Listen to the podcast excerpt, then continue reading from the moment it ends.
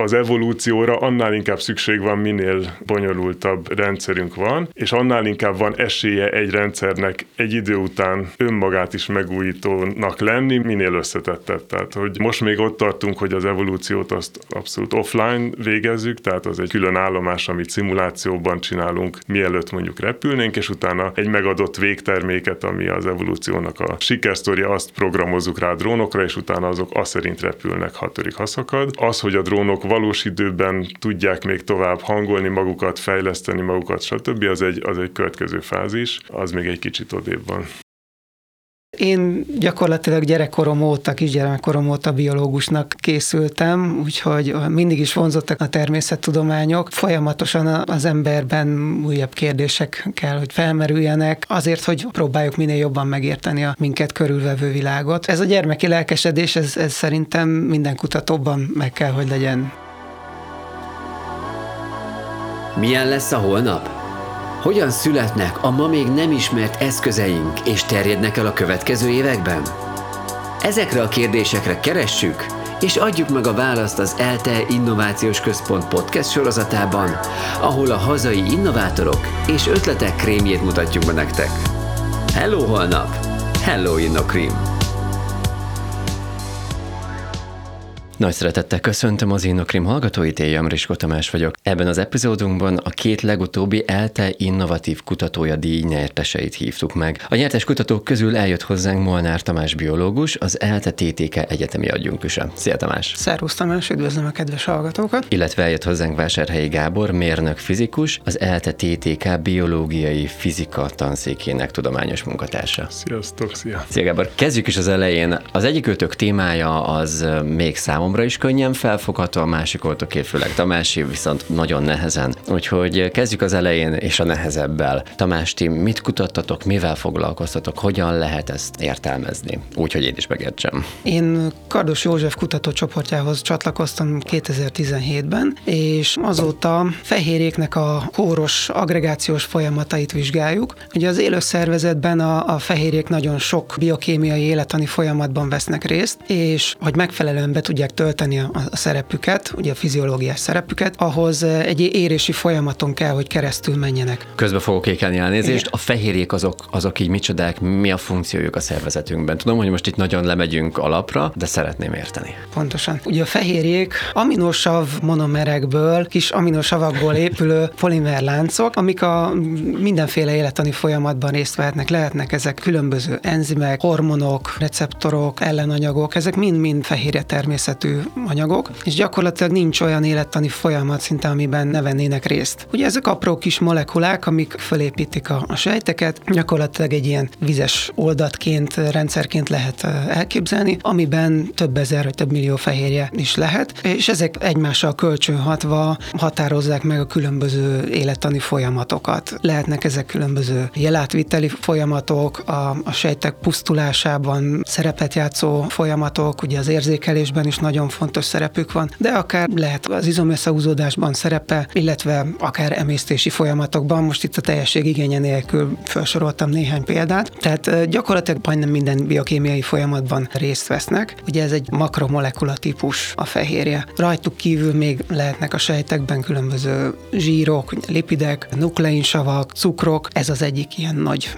makromolekula csoporta, amivel uh-huh. mi foglalkozunk. Tehát gyakorlatilag a szervezetünket felépítő sejt sejteknek a jelentős részében ez van. És hogyha ezek nem nagyon lennének, vagy rosszul működnének, akkor mi sem élnénk. Pontosan, ezek a szervezetünknek az építő elemei gyakorlatilag. Uh-huh. Ugye ott tartottam, hogy ahhoz, hogy a biológiai funkciójukat, az életeni funkciójukat megfelelően be tudják tölteni, ahhoz egy érési folyamaton kell keresztül menniük. Aki tisztában van ezzel, hogy hogyan érnek meg a fehérjék, ugye először van egy kódoló nukleinsav, ugye ez a DNS, ami meghatározza azt, hogy milyen tulajdonságokkal rendelkezünk, hogy fogunk kinézni, hogy épül föl a szervezetünk. Ezek a DNS molekulák kódolják a fehérjék felépítéséhez szükséges információkat is. Ugye a DNS-ről az információ RNS-re íródik át, az RNS-ről pedig a transzláció során fehérjék szintetizálódnak. És amint kialakul egy ilyen fehérje lánc, ami is aminosav építőkövekből épül föl, egy érési folyamaton megy keresztül, aminek a során kialakul egy, egy meghatározott háromdimenziós szerkezete. Ahhoz, hogy megfelelő aktivitással rendelkezzen, kötőpartnerekkel tudjon kapcsolódni, vagy nukleinsavakhoz tudjon kapcsolódni, átalakuljon. Ezekhez ugye ezt a szerkezetet fel kell venni, viszont az érés során a rendszerben hibák keletkezhetnek. Ilyenkor egy nem megfelelően föltekeredett szerkezet jön létre. Ezt az érési folyamatot egyébként foldingnak nevezzük, a fehérje feltekeredését. Ha ebben valami hiba van, akkor jön létre ez az úgynevezett misfolding jelenség. Ilyenkor a hibás szerkezetű fehérjék felszínén kialakulhatnak olyan ragadós felszínek, amik egyébként normális körülmények között a fehérje belsejében eltemetve vannak jelen. Ha ezek a felszínek kerülnek, akkor ilyen ragadós felszíneket képezhetnek, ami viszont hajlamosá teszi őket arra, hogy összetapadjanak, és ilyenkor ilyen úgynevezett agregátumokat képezhetnek. És mi ezt a folyamatot vizsgáljuk igazából, az ilyen hibás feltekeredéshez kapcsolódó betegségeket, amikor agregátumok, ilyen úgynevezett amiloid szálak jönnek létre, majd még erről is beszélünk részletesebben. Ezen belül is az egyik kiemelt projektünk volt az Alzheimer kórnak a vizsgálata, ahol szintén ugye központi szerepet tölt be egy beta-amiloidnak nevezett peptid, ami igazából nem a hibás feltekeredésnek a következménye, hanem egy fehérjének a hasítási terméke. Ezt nem említettem, de, de vannak bizonyos fehérjék, amik az érésük során olyan átalakuláson mennek keresztül, hogy más fehérjék elhasogatják őket, lehasítanak belőlük kisebb darabokat. A beta-amiloid peptid esetében is erről van szó. Ez egy nagyobb méretű fehérjéből, a, az amiloid prekurzor fehérjéből alakul ki. Ez egy nagyobb méretű fehérje, ami a, a, az agyban termelődik főként, és a hasítása során különböző méretű kis fehérje fragmentumok, ilyen peptidek alakulnak ki. Ennek az egyik változata, ez a A-beta 42-nek szoktuk rövidíteni, a beta-amiloid 42 aminosavas peptid, ami nagyon is hajlamos ilyen fehérje agregációra. Amiloid szálakat képez, ilyen nagyméretű agregátumokat, amik az agyban lerakódnak, ilyen plakokat képeznek, és ez mindenféle ilyen gyulladási folyamatokat indít be, illetve a, az idegsejteknek a pusztulásához vezethet, ami végül is ugye az Alzheimer-kor kialakulásához vezet, kognitív problémákat ö, okozhat, viselkedési problémákat okoz, és hát végül általában ugye a halállal szokott végződni. Ez a betegség ugye a napjainkban az előregedő társadalmakban egyre nagyobb problémát okoz, egyre jobban kitolódik a, a várható életkor, és hát az Alzheimer kornak is több változata van, van kifejezetten időskorban megjelenő változat, illetve van egy ilyen familiáris változata is, ami viszont fiatalabb korban is kialakulhat, ez egy öröklődő változata a betegségnek. Viszont ugye ezt mindenképpen tudni kell, hogy a nem öröklődő változat is, hát mondhatjuk, hogy korra jár, tehát minél idősebb az ember, olyan 65 év fölött már elég jelentős jelentős kockázata van ugye az Alzheimer-kor kialakulásának, és ez ahogy így haladunk előre a korral, ugye egyre nagyobb rétegeket érint. Úgyhogy az Alzheimer kutatás az most már ugye elég jelentős múltra tekint vissza, hát igazából magát a kort azt még a 20. század elején Alzheimer írta le, és hát igazából azóta sem találtunk rá megfelelő gyógymódot. Vannak próbálkozások, vannak terápiás próbálkozások, de az igazán nagy siker az még várat magára. Elég nagy kihívást jelent maga maga a betegség, mármint a vizsgálata nyilván, mert diagnosztikai szempontból sem egyszerű eset. Tehát itt hosszú, több éves folyamatról van szó, amíg kifejlődik ez a korkép, és hát a legtöbb esetben, amikor már diagnosztizálható, ugye megjelennek a tünetek, akkor viszont már visszafordíthatatlan a folyamat. Köszönöm, ez így, ez így abszolút kerek és teljes, mindjárt vissza is fogunk rá térni, de jól értem akkor azt, hogy az ember fejlődik, jönnek ezek a fehérjék, azok fejlődnek, megérnek, és valahol a rendszerben több helyen történnek benne hibák hibák, illetve a fehérjék is azért egy picivel alakítják ezek a lenyesések, amiket, amiket mondtál, alakítják egymást. Igen. És ezekből alakul, vagy alakulhat ki az Alzheimer-kor? Az Alzheimer-kor az egyik példája ennek, de van sok különböző ilyen, ilyen fehérje agregációval kapcsolatos korkép. Mi elsősorban nem is igazából nem csak az Alzheimerrel foglalkozunk, hanem kifejezetten az ilyen fehérje agregációhoz köthető betegségekkel. Mi magának az agregációnak a mechanizmusát vizsgáljuk különböző különböző szerkezetvizsgáló módszerekkel, ennek a kinetikáját, a termodinamikáját, ugye a sebességi lefolyását vizsgáljuk, illetve tesztelünk különböző gátlóanyagokat, amikkel vissza lehet fogni ezt a fehérje agregációt. Egyébként a, a szervezetben is, az élő szervezetben is vannak ilyen ellenőrző pontok, enzimek, fehérjék, amik próbálják ellenőrizni ezt a megfelelő feltekeredést, és ha valami hiba van a rendszerben, akkor azt igyekeznek kijavítani, de természetesen ebbe az ellenőrző rendszerbe is hiba csúszhat célkor. Ennek majd a hasznosíthatóságáról és, és a konkrét munkafolyamatról fogunk még beszélni. Gábor, most hozzád fordulok. Ti mivel nyertétek el ezt a díjat, és egyébként is mivel foglalkoztak? Hogyan Én lehetne azt- ezt röviden számomra is érthetően összefoglalni? Tehát a díj kapcsán azt szeretném az elején leszögezni, hogy ez nem az én egyéni díjam, hanem mi egy kutatócsoportban dolgozunk, aminek a vezetése Vicsek Tamás László Száger díjas fizikusnak a nevéhez fűződik, és az ő csoportján belül foglalkozunk csoportos viselkedéssel, csoportos mozgással, és a kutatócsoportunk az együttműködő csapatmunkáért kapta ezt az innovatív díjat, amit majd arról beszélünk később. Az előzőekhez szólva azt tudnám mondani, hogy nagyon hasonló dolgokkal foglalkozunk, csak a szerveződési színnek egy másik állomásán. Tehát ahogy hallhattuk, a, az emberi szervezet az kisebb egységekből áll össze, például fehérjékből a fehérjék, amikor összeállnak, azok sejteket, szöveteket, szerveket tudnak alkotni, de a fehérjék maguk is kisebb építőelemekből állnak össze, aminosavakból, stb. És ugyanez a fajta hierarchikus szerveződés, hogy a dolgok a világban nála kisebb és egyszerűbb elemekből épülnek föl, és maguk az elemek is összeállhatnak sokan, és létrehozhatnak nagyobb és bonyolultabb egységeket. Ez minden szinten megjelenik, és ennek a szerveződésnek, ennek a csoportos dinamikának mi azt a fázisát választottuk, ahol az egyének, tehát a- az általunk ismert intelligens egyének, mondjuk emberek, állatok csoportjai próbálnak meg rajban viselkedni, és rajban csoportos döntéseket hozni, és azt vizsgáljuk, hogy az egyéni döntések hogyan függenek össze a csoportos döntésekkel, és mik azok a tulajdonságok, amik rajszinten úgy jelennek meg, amik az egyéni dolgokat nem jellemezhetik. Tehát mondjuk itt a fehérjére visszatérve, a fehérjék kapcsán és a fehérjék csinálnak valamit, ők is bizonyos szempontból intelligens lények, ugye interakcióban vannak a környezettel, reagálnak a környezet hatására, egyfajta Igen. tanulási folyamatban vesznek részt, Változnak. érnek, érnek, változnak, és a sok fehérje agregátum együttes az létrehoz valamit, ami egyedileg a fehérjékben nincsen meg, és ugyanígy egy madárraj az egy olyan entitás, aminek csak akkor jönnek létre tulajdonságai, amikor ezek a madarak tényleg együtt vannak, és külön-külön a madarakra nem érvényes. Tehát ezt a csoportos viselkedés, csoportos mozgást vizsgáljuk, egyrészt állat egyedeken, másrészt sejteken is, tehát a, a, az emberi szerveződésnél kisebb egységeken is, harmadrészt pedig robotokon, ez is egy izgalmas része a dolognak, hogy ugye biológiai fizika tanszékről jöve először mindig a biológiai rendszerekről veszünk példát, megpróbáljuk megfejteni azt, hogy hogy működik a természet, mert ott az evolúció által nagyon sok minden nagyon szépen optimalizáltan jól ki van találva, ki van dolgozva, csak nincsen levédve szabadalommal, úgyhogy be lehet nézni és le lehet utánozni, és utána ezt próbáljuk mi is tenni, hogy létrehozunk olyan intelligens robotokat, amik ugyanilyen módon rajban tudnak viselkedni egyéni viselkedés helyett.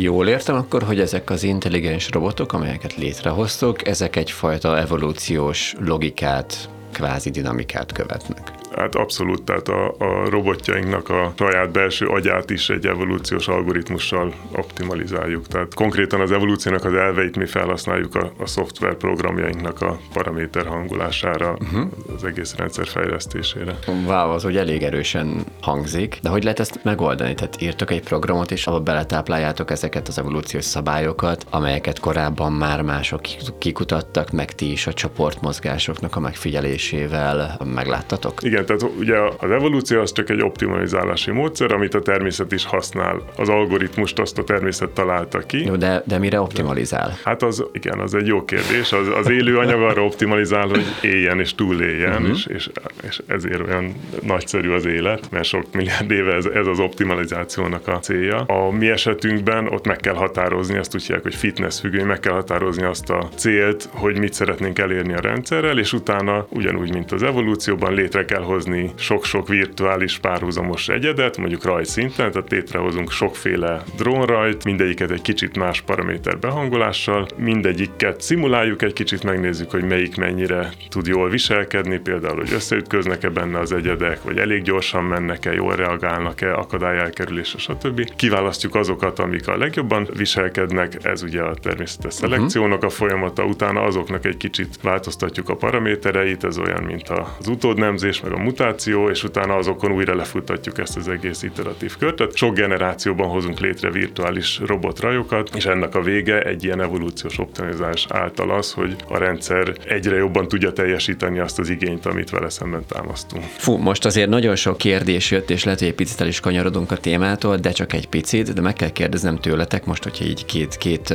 valahol különböző, valahol nagyon hasonló szakterületen dolgozó kutatóként vagytok itt. Ezzel, hogy a robotok folyamatosan fejlődnek, vagy fejlesztitek őket, bár akkor adja is magát a kérdés, hogy képesek lesznek ők idővel saját magukat is fejleszteni? Az egy nagyon érdekes dolog, hogy mi azt tapasztaljuk a világban, hogy minél bonyolultabb egy rendszer, annál nagyobb figyelmet kell fordítani annak a behangolására. Tehát nem akarok példákat hozni, de mondjuk, hogyha egy nagyon bonyolult rendszer nézünk például az emberi agyat, az az egyik legbonyolultabb egység vagy számítási kapacitás, amit, amit ismerünk a, a világon. A, Ami természetes. A, akár természetes, akár mesterséges. Tehát az agy azért nagyon sok szempontból még messze kenterbe veri a mesterséges rendszereket. Tehát, de... hogy jelenleg nincs olyan szuper számítógép bármi, ami nagyobb számítókapacitású lenne, mint az ember agya. Hát összességében az agy az multifunkcionális. Bizonyos dolgokban már gyorsabbak számítógépek, de összességében az agy az egy nagyon uh-huh. nagyszerű képződmény. Nem feltétlenül lehet egy az egybe összevetni őket, Igen, nem? igen. Tehát de igen, itt most klasszikusan hogy... abban a szituációban vagyunk, hogy, a, hogy ahhoz kevésbé hozzáértőek kérdezget titeket, csak Ez hamar meg fog fordulni hozzá. egyébként Igen. szerintem, de, de most még az agy azért jó. De mindegy, ez csak egy példa volt, hogy az agy egy kellően bonyolult rendszer, tehát mi magunk se értjük egy csomó részét, és nagyon sokféleképpen működhet igazából, ha az ember szerelmes, vagy részeg, vagy alzheimeres, vagy csak nem tudom, beüti a fejét, és attól elszédül egy kicsit, egy, egy icipicit állítódnak a paraméterei az agynak, mondjuk valamilyen anyagból egy kicsit több van, vagy kicsit kevesebb, akkor már egész másfajta működési módokat tudunk kihozni ugyanabból a rendszerből, azért mert egy bonyolult, sok paraméteres rendszer, aminek nagyon nagy a dinamikai uh-huh. tartománya. És a mesterséges rendszerekben is ezt látjuk, hogy minél összetettebb egy rendszer, minél több paraméterrel kell behangolni a viselkedését, annál nagyobb figyelmet kell fordítani a hangolására. Ugye az ember az agyát azt mondjuk 18 éves koráig hangolja, utána mondja azt, hogy készen vagy felnőtt, vagy mehetsz a saját utadra. Azért ez egy hosszú folyamat. A, a drónok esetében mi most 10-12 évnél tartunk, de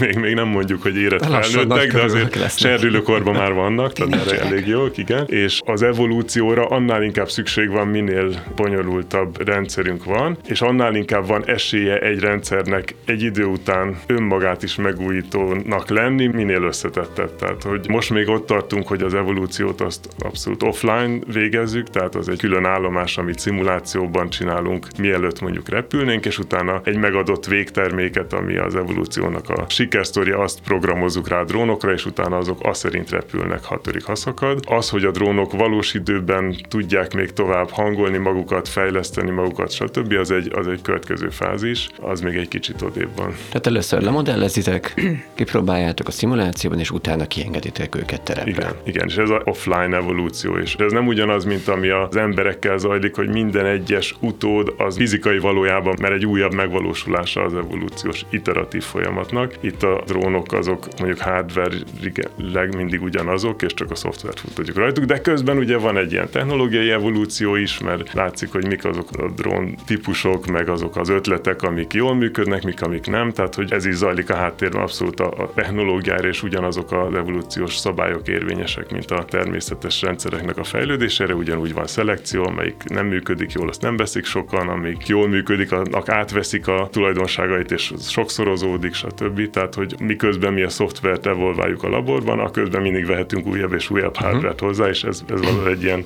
szétválasztott hardware-szoftver evolúció. Csak annyit akartam hozzászólni, hogy a, a természetes evolúciónál az nem mindig a, az a cél, vagy nem mindig arra törekszik a természet, hogy egy összetettebb, bonyolultabb forma jöjjön létre. Csak a technológiai evolúció kapcsán említetted, hogy evolválódnak mindig valamilyen összetettebb szerkezet, vagy, vagy egy összetettebb élőlény jön létre, de, de a, a természetes evolúcióban szerintem nem feltétlenül mindig ez a cél, hogy egy bonyolultabb élő szervezet jöjjön létre. Ott ugye csak az adott körülmények, amik változtatják az élőlénynek a, a fitnessét, ugye ezek érvényesülhetnek, bizonyos tulajdonságok kiszelektálódhatnak, mások megjelenhetnek, ugye ezek biztosítják a, az adaptivitást az élőlények számára. Van, például Már- a vakon elveszti a látását, tehát a bonyolultsága csökken, mert nem nincs szeme mondjuk, vagy nem tudom. De összességében Lehet, mégis igen. azt látjuk szerintem, hogy a természetes rendszerek azok az egyszerűtől az egyre bonyolultabb, egyre összetettebb dolgok irányába haladnak. Tehát, hogyha megnézzük, hogy milyen élőlények voltak egy milliárd milliárd éve, meg 500 millió éve, tehát hogy mindig új tulajdonosok jelennek meg, és abból azért egyre több van integrálva. És... Ez részben igaz, ezzel részben egyetértek, igen, de ugyanakkor mégiscsak fönnmaradtak a, a, a nagyon egyszerű, egysejtő élőlények is, és lehet, hogy ők pont könnyebben tudnak alkalmazkodni bizonyos... Vagy túlélni az ember. Remek kis beszélgetésünk már, már vita alakul itt, akkor viszont bedobnám mind a kettőtöknek azt a kérdést, hogy mind a kettőtöknek a saját kutatási szakterületén hol látjátok, hol lehet ennek a vége, amikor azt mondjuk, hogy kvázi szuperdrónok alakulnak meg, amelyek ezres, tízezres, százezres nagyságban tudnak csoportszinten jól működni, megfelelő hardverrel és szoftverrel, illetve mikor jutunk, ha egyáltalán eljuthatunk-e addig, hogy géntechnológiai módszerekkel jelentősen belenyúlunk akár a fehérjékbe, akár pedig ezekbe a peptidekbe, amiket említettél, és kialakítunk, megdizájnolunk, nem tudom melyik a jó szó rá, egy olyan embert, ami mondjuk elél egészen jól, egészségesen 80-90-100 évig, úgy, hogy az ember egyfajta, nem akarok vele túlozni, de Istent játszik saját magával, és egy részben Istent játszik a gépekkel is. Hát ezek, amikről beszéltél gyakorlatilag, hogy géntechnológiai módszerekkel belenyúlunk egy fehérjébe, ez már megvalósult, sőt ez már nem, nem is olyan nagy újdonság. Érdekes egyébként, hogy említett, pont nemrég volt egy érdekes ilyen rendezvény nálunk a, az LTTT-ken, ahol két oktató-kutató kollégám kvázi egy ilyen boxmeccset rendezett, egy vitaest volt. A témája pedig pont ez volt, hogy lesznek-e valaha úgynevezett designer bébik, illetve nem. És hát erről szólt a vita, felhoztak érveket pro és kontra. Én azt gondolom, hogy az egésznek a technológiai háttere, a géntechnológia, rekombináns DNS technikák igazából már rendelkezésünkre állnak, és véleményem szerint a technika az lehetővé tenni ezt. A kérdés itt az, hogy valójában meg akarjuk elépni ezt a jövőben. Manapság is egyébként ugye több betegség kezelésében már alkalmaznak génterápiát, rengeteg gyógyszert, ilyen fehérje természetű vagy fehérje alapú gyógyszerhatóanyagot már szintén géntechnológiai módszerekkel hoznak létre. Tulajdonképpen a mi innovatív kutatói díjunk is egy ilyen géntechnológiai módszernek a kifejlesztéséhez kapcsolódik. Bocsánat, csak egy kicsit visszatérve, mert ugye nálam nem került említésre, hogy ugye nálunk is ez, a, ez az innovatív kutatói díj, ez szintén nem az én díjam volt, hanem egyrészt megosztva kaptuk a kollégámmal Kardos Józseffel, aki a kutatócsoportunknak a vezetője, de hát tulajdonképpen ez az egész kutatócsoportnak a díja. És hát mondom, mi is nagyon gyakran alkalmazunk ilyen géntechnológiai módszereket, hogy a fehérjét kódoló DNS-nek a szekvenciájába anyulunk bele. Gyakorlatilag ugye ezt úgy lehet elképzelni, hogy ugye kollégám szokott említeni ilyen példákat, hogy képzeljük el az emberi szervezetet, mint egy épületet. Ugye az épületet is különböző építőkövekből, építőelemekből kell fölépíteni, de ahhoz természetesen egy tervrajzra van szükség. Ez a tervrajz a mi esetünkben a DNS-nek a, a szekvenciája, a nukleinsavnak a szekvenciája. Erről ugye a szervezet készíthet másolatokat, hogy megőrizze ugye az utódsejtek számára, mindegyikben meg legyen ez a, a terv, és a tervrajz alapján pedig össze lehet szerelni ezeket ezeket a megfelelő építőköveket. Ugye más nukleinsavak, ugye RNS molekulák segítségével azokra íródik át az információ, és utána pedig fehérjék alakulhatnak ki kisebb építőkövekből, ugye aminosavakból. És akkor, hogyha felhasználjuk megfelelően ezt a tervrajzot, és minden megfelelően működik, ugye ebben a sejtekben is vannak ilyen ellenőrző pontok, amik ellenőrzik, hogy valóban a tervrajz alapján valósul meg az építkezés, közbeavatkoznak, hogyha esetleg gond van, de hát lehetnek ilyen problémák, ugye a tervrajzból eltűnnek darabok, vagy hibák kerülnek a, a rendszerbe, esetleg nem megfelelő építőkövekből építkezünk. Ezek mind-mind ilyen problémákat jelenthetnek, és akkor kialakulhatnak a különböző betegségek, ugye patológiás folyamatok. Mi elsősorban ezekkel foglalkozunk, ezeket vizsgáljuk. Szóval most már el tudnánk jutni a kvázi szuperemberekhez géntechnológiával, de nem akarunk. Hát, hogy szuperemberekhez mondjuk úgy... Hát, nem akarom azt mondani, hogy ember feletti ember, mert az nyilván vannak neki egyrészt áthallásai, filozófiai főleg, de egy evolválódáson túli emberhez, hogyha nem tekintjük mondjuk az evolúció részének azt, hogy az ember belenyúl saját magába. Hát talán lehetnek ilyen próbálkozások is. Véleményem szerint inkább az a fontosabb, hogy ha már úgymond meg akarunk tervezni egy embert, akkor inkább próbáljuk esetleg csökkenteni a genetikai hajlamát különböző betegségek kialakulására. Tehát elsősorban azt gondolom, hogy ez, ez lehet az elsődleges cél. Az, hogy kinek milyen vad fantáziája van, és, és, és hogyan képzeli el ezeket a szuperembereket. Hát én úgy gondolom, hogy azért egy ideig legalábbis a jogi szabályozás biztos, hogy nem fogja engedni ezt, hogy embereken kísérletezzünk ilyen célból. Persze sosem lehet tudni, hogy milyen kutatói eredmények vagy kutatási eredmények vannak már, amik ezt célozzák. Biztos, hogy vannak ilyenek. Gábor, el tudunk jutni egy dróntársadalomig? Hát én az előző válaszhoz képest Ctrl-C, Ctrl-V-znék, és a, a Super Baby-t a drónra kihelyettesítve kb. mindenre megkaptuk a választ. Tehát ugyanez zajlik a drónok terén is, hogy van egy jogi környezet, ami mindig lassabban fejlődik, mint maga a technika, meg még lassabban, mint az emberi fantázia. Vannak drónok, amik már nagyon izgalmas dolgokra képesek, vannak drónrajok, amik nagyon izgalmas dolgokra képesek. Ezekből bizonyos szempontból mi hoztuk létre a világon a, a legfejlettebbeket publikációk alapján, és, és hát azon dolgozunk. Az innovációs díjunkat azt részben a, a tanszéken alapított spin-off cégnek a szép előre menetelér is kaptuk, tehát az, az a célunk, hogy a, a drónrajokkal kapcsolatos alapkutatást azt igyekezzünk alkalmazásokba is beforgatni, tehát drónrajokat konkrétan legnagyobb számban azt drónsókban használunk fel jelenleg, ami abszolút a világon egy elterjedt kültéri szórakoztatóipari forma. Mostanra a legnagyobb világrendezvényeknek most már elengedhetetlen részei a, a drónsók, az augusztus 20-ai budapesti tűzijátékban 2018 óta készítjük mi a, a drónsó elemet, és sok más helyszínen is a világon. Tehát, hogy ez az alkalmazás, ez például a drónrajoknak egy nagyon új, merőben új alkalmazása, ami, ami már valóságos. Az, hogy ipari környezetben drónrajok működjenek automatizáltan, az is halad. Ez még egy kicsit lassabban megy, mint a drónsok világában, mert itt a drónoknak azért okosabbnak kell lennie, több mindenre kell figyelni, nem csak villogni, világítani, hanem esetleg mérni is, beavatkozni, stb. De mi ezzel foglalkozunk, hogy ezt megpróbáljuk átültetni a gyakorlatba, és, és itt is ugye nagyon fontos a drónoknak az elfogadottsága a társadalom szemében. Tehát egyelőre azt látjuk, hogy nagyon népszerűek a drónok, úgy nagy általánosságban rengeteg ember használja őket, látja a fantasztikus lehetőségeket, amiket drónokkal lehet létrehozni, és ugyanakkor természetszerűleg ezzel együtt jár egy valós félelem is azzal kapcsolatban, hogy milyen rossz dolgokra lehet a drónokat használni, mert ugye minden, amit az ember létrehoz, azt lehet jóra meg rosszra is használni, és ennek a megítélése is nagyon szubjektív, tehát itt van mondjuk az orosz-ukrán háború, most az, hogy ott kihasznál drónokat és mire, és az jó vagy rossz, ez attól függ, hogy kit kérdezünk meg, melyik oldalon álló, stb. Tehát egy kicsit úgy vagyunk a drónokkal jelenleg, mint mondjuk az első autónak a megjelenésével száz évvel ezelőtt, hogy akkor még az, hogy az autók dugóban fognak állni és órákat ülni ülnek az emberek a városban a, a kocsiukban ülve, és közben a légszennyezettség egy meghatározó halálok lesz az autók miatt. Ezt nem gondolták mondjuk, amikor az első autót létrehozták. Most ilyen jellegű hosszú távú következményeiről nem is nagyon tudunk gondolkodni a drónoknak. Most az a fázis van, hogy megjelentek az első drónok önállóan, és igyekszünk ezt valahogy integrálni az összes rendszerünkbe, és még nem állt össze belőle se rajszintű, se globális rendszer szintű egység. Ezeknek a drónoknak a, az egymás közti kommunikációja módját, programozását, az, hogy kvázi egyénként is, és csoportosan is tudjanak működni, ezt hogyan oldottátok meg? Én most ugye el tudok képzelni egy megoldást, de hát te értesz hozzá.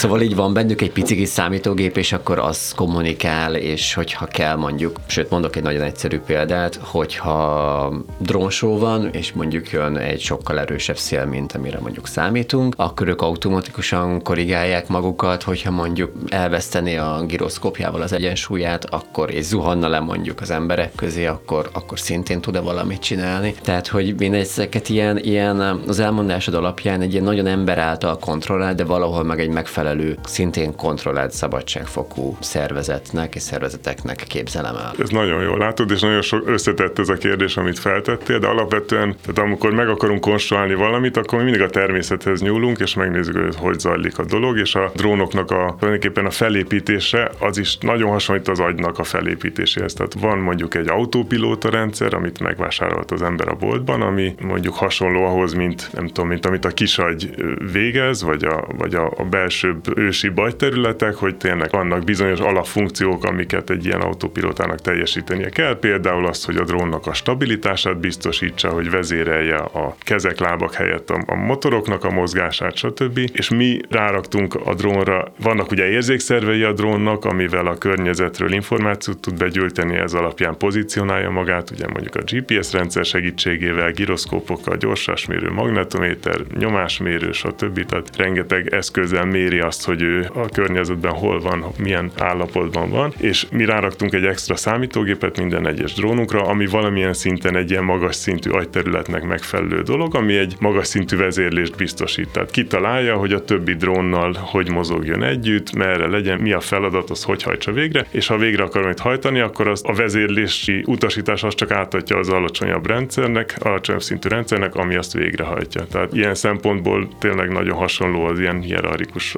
moduláris agyvelépítéshez. És ilyen tekintetben mondjuk a visszatérve a kérdésed másik felére, a drónsoknál igen, tehát ott van egy előre programozott útvonal, amit nekik követniük kell, és az, hogy a szélnek ellenálljanak, az, az abszolút egyéni szintű probléma, és azt egyedi szinten kell tudniuk megoldani, hogy az adott légköri viszonyok között ők mit csináljanak. Nyilván nem engedhetünk fel drónokat a levegőbe, hogyha látjuk előre, hogy jön a, a vihar, tehát arra nekünk is kell figyelni, hogy a működési tartományon belül maradjunk. És hogyha például valamelyik drónnak lemerül az akkumulátora, és haza kell jönni egy drónsó közepéről, valamilyen oknál fogva, akkor az már egy rajszintű intelligencia, hogy olyankor a többiek szétválnak és utat engednek neki, hogy ne legyen ütközés. Ez, ez az, amit mi egyedileg tudunk, és más a világon nem nagyon, vagy kevesen. Kérdezhetek csak, hogy milyen gyorsan tudják lereagálni ezeket a környezeti változásokat, akár hogyha jön egy szélvihar, vagy mennyire gyorsan tudnak így a... Nagyon különböző frekvenciavezérlési körök vannak a drónban, a leggyorsabb az olyan 1 kHz körüli, tehát a drón alapvetően egy nagyon instabil szerkezet, tehát a propellereinek a forgási sebességét azt másodpercenként ezerszer állítja azért, hogy egy helyben tudjon maradni, különben eldőlne, és minden, ami mondjuk a, a szél, turbulencia, stb. kapcsolatos, az, az, az ilyen frekvencián kerül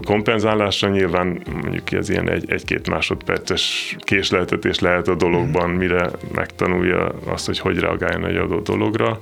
Az egymással való kommunikáció, meg az ilyen hosszabb dinamikai folyamatok, hogy valakit kikerülni, annak már ilyen 5-10 másodperces időskálája van. Azt jobban időben előre kell tervezni, azért kell egy magasabb szintű rendszer, ami előre megtervezi, hogyha én átmegyek a drónra, mert muszáj hazamennem, mert pisilnem kell, vagy nem tudom, akkor az hogy fogom megcsinálni, kit, hogyan, milyen irányba kerülök, és, többi. Tehát az egy hosszabb időskálájú tervezést igényel. Wow, ez is egy nagyon súlyos technológiának tűnik. Egyébként egy-egy ilyen pici drón, hogy ennyit tud, ez körülbelül range hogyha az ember szeretne magának otthonra venni egyet, és egy kis drón flottát építeni, hogy nem tudom, meglocsolják a kertet. Ha, és nyilván túlzak ezzel, de, de ez körülbelül milyen, milyen összegben lehet? Hát drónokat pár ezer forintért is lehet kapni, azok nagyon egyszerűek lesznek, és csak kézi távirányítással lesznek alkalmasak. De hogyha mondjuk otthon szeretnék egy, egy pici drónflottát, sőt, nem is tudom, mondjuk a kutyámnak dobálja a labdát, az egyik eldobja, a másik felszed és visszadobja, mondjuk az két drón, hogyha ezt csinálom a területen, akkor az mondjuk négy darab drón, és mondjuk otthon szeretném őket programozni, csak van, így értsem. Vannak jó híreim ezzel kapcsolatban. Egyrészt ugye a, a világban zajlanak zárt, meg nyílt fejlesztések, mi, mint tudós háttérrel, mi nagyon propagáljuk azt, hogy nyílt fejlesztésbe vegyünk mi is részt, tehát mi a drónraj vezérlő szoftver rendszerünknek egy jelentős részét azt open source nyílt forráskodóvá tettük. Tehát, hogyha ilyen alkalmazást akarsz integrálni, akkor szeretettel látunk a fórumon, meg a, a kódbázisunkba, és építs bele. És Tehát gyakorlatilag bárki tud ilyet, mert bárki megteheti azt, hogy letölti tőletek ezeket a kódokat, és akkor otthon elkezd vele játszani, vagy mondjuk otthon fejleszt valamit, Hát bizonyos dolgokat el, igen, elkezdhet, uh-huh. és ugyanígy vannak hardverek, amik nyíltak és viszonylag olcsók, tehát például én azt tudom javasolni, hogy vannak egész pici tenyérnyi beltéri drónok, azzal érdemes elkezdeni játszani, mert azok olcsóbbak is, mondjuk ilyen 100 forint környékén van darabja, picik nem okoznak sérülést, tehát hogyha elromt valamit az ember vele, akkor, akkor még a kutyában se okoz kárt, nem az emberben. Aranyhalat már lehet, hogy ketté vágja, de, de, de kutyával nem lesz gond. Szóval valahol itt kezdődik egy, egy intelligens drón 100 ezer forint környékén, és nyilván ahhoz kell azért sok minden egyéb dolog, hogy ez működőképes legyen egy jó bázisállomás, kommunikációs rendszer pozícionálás. Meg persze a tudás és a, és a szemlélet. Hát hogy ne, igen, az is. A kültéri nagy drónok, tehát amit te mondtál, hogy labdát dobáljon, stb., az, azt gondolom, hogy az, az inkább az ilyen sok százezres, félmilliós uh-huh, tehát azért, azért elkezdődik, és, és határa csillagos ég. Tamás, a ti területeteket hogyan tudjuk elképzelni hasznosíthatóságban, illetve hogy zajlik egy, egy ilyen kutatás. Tehát én azt tudom elképzelni megint csak hozzá nem értőként, hogy ott fehér köpenyben, szemüvegben valamit a mikroszkóp alatt csináltok. Jól gondolom, vagy sem? Hát nem feltétlenül a mikroszkóp alatt. Én személy szerint még köpeny sem mindig vannak.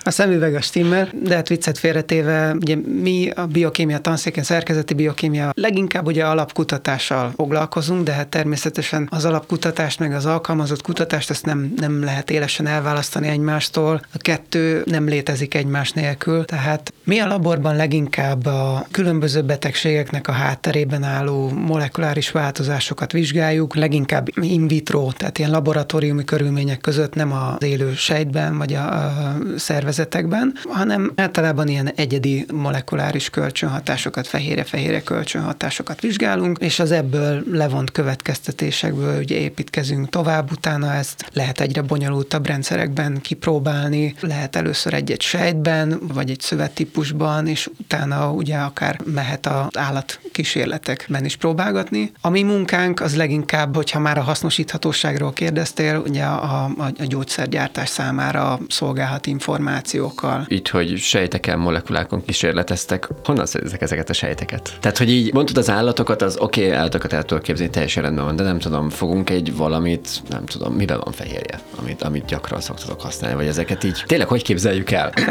az gyakorlatilag minden élőlényben van, de ugye a laboratóriumi vizsgálatokhoz, kutatásokhoz vannak különböző ilyen modern rendszerek, modern szervezetek, amik a rendelkezésünkre állnak. Vannak olyanok, amikben vizsgáljuk a különböző fehérje hálózatoknak a, a, a változását, hogy mondjuk ilyen in vivo kísérleteket lehet akár a egerekben, patkányokban, akár halakban, de nagyon gyakran alkalmaznak különböző ilyen kis C elegans férgeket, vagy ecet muslicákat. Ezek mind-mind ilyen úgymond közkedvelt modern rendszerek, ahol lehet vizsgálni ezeket az élettani hatásokat. Illetve ugye a fehérje termelésről is beszéltünk már, hogy ugye az innovatív kutatói díjunk is egy ilyen fehérjének vagy peptidnek az előállításához kapcsolódik, amit én technológiai módszerekkel állítunk elő. Nagyon gyakran, ugye, hogyha az in vitro kísérleteket el akarjuk végezni, ahhoz ezeket a fehérjéket elő kell állítani homogén, tiszta formában. Tehát, hogy ne legyenek mellette más szennyező anyagok, más fehérjék, amik bezavarhatnak a mérésekbe, hanem pusztán egy-egy fehérjének a kölcsönhatását tudjuk vizsgálni. Ugye ehhez egy adott objektumból, egy, egy szervezetből, egy sejtípusból őket ki kell tisztítani, ki kell nyerni. Na most ez azért problémákba ütközhet. Tehát lehet, hogy, hogy valami olyan fehérjét akarunk például vizsgálni, ami egy, egy ritka vagy védett fajból származik. Természetesen ugye ilyenkor nem szerezhetjük be, nem pusztíthatjuk el a, az élőlényt. Ilyenkor a másik lehetőség az, hogy mi magunk állítjuk elő egy ilyen fehérje termelő szervezet segítségével. Lehet, lehet. Mi, milyen fehérje termelő szervezetet tudunk elképzelni? Hát például a kólibaktériumok ezek nagyon alkalmasak ilyen, uh-huh. ilyen fehérje termelésre. Hát itt most egyszerűen megfogalmazva az egész módszert, ugye arról szól a, az eljárás, hogy tudnunk kell a fehérjét kódoló DNS-nek a, a szekvenciáját. Tehát megint csak visszautalnék az építkezésre, tehát a, a tervre van szükségünk, a DNS-t kell elővennünk. Ha tudjuk, hogy milyen DNS szekvencia kódolja azt a fehérjét, erre vannak ilyen bioinformatikai adatbázisok, ezeket könnyen elő tudjuk halászni, és megfelelő eljárások segítségével segítségével szintetikus úton előállíthatjuk ezt a kódoló DNS szakaszt, és ezt a DNS-t kell bejuttatnunk ebbe a fehérje termelő sejtbe, egységbe. És hát erre is megvannak a módszerek, hogy ezt a DNS-t hogyan tudjuk bejuttatni, bizonyos esetekben akár ugye beépíteni a, a sejtnek a, a genomjába, vagy csak ideiglenesen egy ilyen hordozó DNS segítségével juttatjuk be a sejtbe, és onnantól kezdve igazából már csak annyi a dolgunk, mondjuk a baktériumok esetén, bevittük a DNS-t, és miután ugye a baktériumok baktériumok osztódásra szaporodnak, ezért onnantól kezdve minden utolt sejtben benne lesz ez a DNS is. Tehát csináltok egy tervrajzot, ami a DNS, egy másfajta DNS, bejuttatjátok a baktériumba, onnantól kezdve a baktérium ezt a tervrajzot olvassa, és úgy fog már osztódásra szaporodni, tehát akkor az történik, amit Vagy még pontosabban, hogy megterveztetek. A baktérium tervrajzába építjük bele a még kis tervünket. És innentől kezdve ugye ő már egy, egy fehérje szintetizáló egységként működik, Tehát gyakorlatilag ugye egy ilyen fermentációs eljárás is lehet ez. Igazából bejutatjuk a DNS-t, utána növesztjük a sejtkultúrát, minden utód sejtben ott lesz a DNS, és megfelelő eljárás segítségével erre is így megvannak a, a, mechanizmusok, hogy hogyan tudjuk bekapcsolni ezt az egész rendszert, hogy a DNS-ről beinduljon a fehérje átírása. És onnantól kezdve gyakorlatilag egy fehérje termelő reaktorokként használjuk őket, ha megfelelő mennyiséget termeltek, vagy megfelelő nagyságú kultúrát értünk el, akkor utána annyi dolgunk van, hogy a sejteket összegyűjtjük, és kinyerjük belőle ilyen preparálási módszerek segítségével a fehérjét. Igazából ez a része még, még könnyen megy, tehát a sejtkultúrának a növesztése. Kihívás az már onnan jön, hogy föltártuk a sejtet, van egy ilyen homogenizátumunk, egy vizes elegy, amiben több millió makromolekula van, és nekünk abból kell kitisztítani egyféle fehérjét, egy adott tulajdonságú fehérjét. És hát erre kell igazából egy protokollt kidolgozni, amit optimalizálni kell, meg kell találni azokat a tulajdonságokat, amik alapján szelektíven kinyerhetjük azt az egy fehérjét a több ezer másik fehérje közül. Ah, most már, most már úgy érzem, hogy, hogy jobban értem a, ezt a területet, egy picivel jobban, mint a beszélgetésünk elején. Már érintőlegesen beszéltetek róla, de mégis területeiteken mi volt az az innováció, amire, amire odaítélték nektek ezt a díjat? Tehát többször mondtátok, hogy valamit elsőként, újként csináltok. Kezdjük Gábor veled. Miben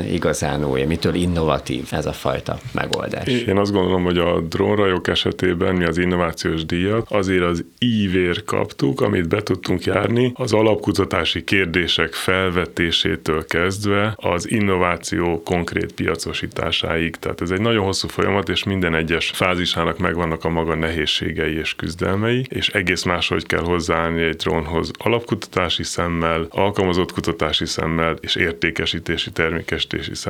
Megvannak ennek a jogi buktatói, a technológiai szüksége, stb. Tehát, hogy én azt gondolom, hogy azért kaptuk a díjat, hogy ezt az utat kitartóan és küzdelmesen végigjártuk sok év alatt, és van az eltével egy találmány hasznosítási szerződésünk, amiben a eredmények szépen meg vannak fogalmazva, és utána árusítunk termékeket, szoftvert és hardvert és szolgáltatást, ami ezekre épül, tehát ez a folyamat. Tamás? A mi esetünkben egy kicsit azért konkrétabb volt ez a, ez a projekt. Ugye mi elsősorban inkább alapkutatással foglalkozunk, és ahogy már korábban említettem, van egy projektünk, amiben a, a, az Alzheimer kialakulásával, illetve fehérje agregációt befolyásoló tényezőkkel foglalkozunk. Az általunk előállított beta-amiloid peptid igazából ugye ez természetes úton is termelődik, illetve ezt a peptidet cégek is előállítják, illetve más kutatócsoportok is előállítják. Tulajdonképpen a mi innovációnk annyi volt itt ezen a területen, hogy egy olyan protokollt dolgoztunk ki, ami hatékonyabb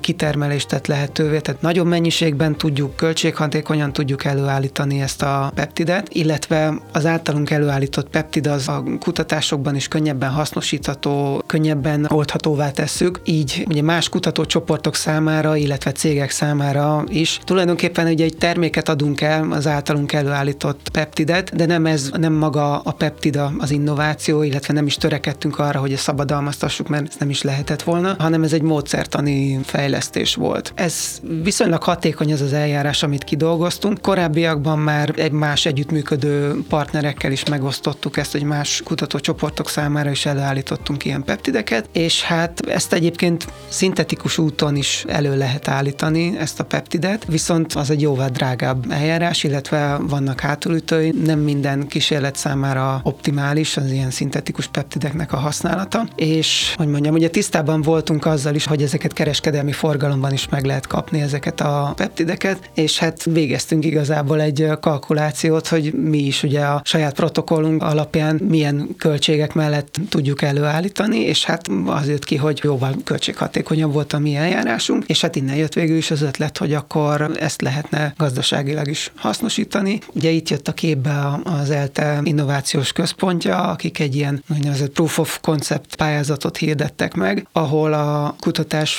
fejlesztésből származó ötleteknek a gazdasági hasznosíthatóságát akarták előrelendíteni, és hát ugye erre adtunk be egy pályázatot, amin ugye nyert is a, a kutatócsoport, és végül ugye ezt az ötletet választották az egyik leginnovatívabb projektnek, és ennek köszönhetően nyertük el most az innovatív kutatói díjat. Arra kérlek titeket, hogy mondjatok egy tanácsot azoknak, akik kutatással, innovációval, vagy kutatások valamilyen szintű tudományos vagy piaci ipari hasznosításával témával szeretnének foglalkozni? Mi a ti tapasztalatotok? Mire érdemes figyelni? Hogyan érdemes nekiállni? Hogyan érdemes a területre ránézni? Vagy éppen, mint hogy itt elkezdtetek beszélgetni a egymás területeiről egy közös téma alapján, hogyan érdemes esetleg más területekre kinézni inspirációként? Gábor? Hát én, én, én mondjuk négy szót tudok összeszedni, amik így szerintem nagyon fontos komponensek. A kitartás, a türelem, az igényesség és valamiféle erkölcsi norma. Tehát mi, mi ezek mentén igyekszünk előre haladni. Nagyon nehéz és küzdelmes mindezt megtartani, de ezek azok, amik olyan úton visznek minket előre, amit vizionálunk. És jó érzést csinálni? Hát persze, nagyon szeretjük, igen. Vas? Hát Gáborékhoz képest mi még nagyon gyerekcipőben járunk ezen a, a területen. Nálunk őszintén szóval, hogy először nem is volt annyira cél, hogy akár ugye, ahogy említettem, hogy szabadalmaztassuk ezt a, az eljárást, illetve hogy akár egy spin-off céget alapítsunk, hogy itt azért még nem tart ez a projekt, de mindenképpen érdemes tisztában lenni. Ha az ember akár ilyen szabadalmaztatásra szánja a fejét, vagy van egy jó ötlet, amit gazdaságilag akar hasznosítani, akkor azért ennek a jogi hátterével mindenképp mindenképpen érdemes tisztában lenni. Tehát érdemes utána nézni, hogy hogy lehet levédetni a szellemi tulajdont, milyen háttere van ennek az egész eljárásnak, mert ugye itt az sem mindegy, hogy mennyire tesszük nyilvánossá ezeket az információkat. Illetve sok esetben azt is le kell tisztázni, hogy a, ha valakinek van egy találmánya, akkor kinek a tulajdona ez a találmány. Ugye egy szolgálati találmányról van szó, ugye ebben az esetben mindenképp a munkáltatóval kell először felvenni a kapcsolatot, felé jelezni ezeket a, az elért eredményeket. Nem minden esetben mi tudunk rendelkezni erről a találmányról. Neked milyen érzés ezzel foglalkozni? Hát én gyakorlatilag gyerekkorom óta, kisgyerekkorom óta biológusnak készültem, úgyhogy mindig is vonzottak a természettudományok. Folyamatosan az emberben újabb kérdések kell, hogy felmerüljenek, azért, hogy próbáljuk minél jobban megérteni a minket körülvevő világot. Ez a gyermeki lelkesedés, ez, ez szerintem minden kutatóban meg kell, hogy legyen. Versehely Gábor és Molnár Tamás, köszönöm szépen, hogy itt voltatok velünk. Köszönjük szépen. Köszönjük. Milyen lesz a holnap? Hogyan születnek a ma még nem ismert eszközeink, és terjednek el a következő években? Ezekre a kérdésekre keressük, és adjuk meg a választ az ELTE Innovációs Központ podcast sorozatában, ahol a hazai innovátorok és ötletek krémjét mutatjuk be nektek. Hello holnap! Hello InnoCream!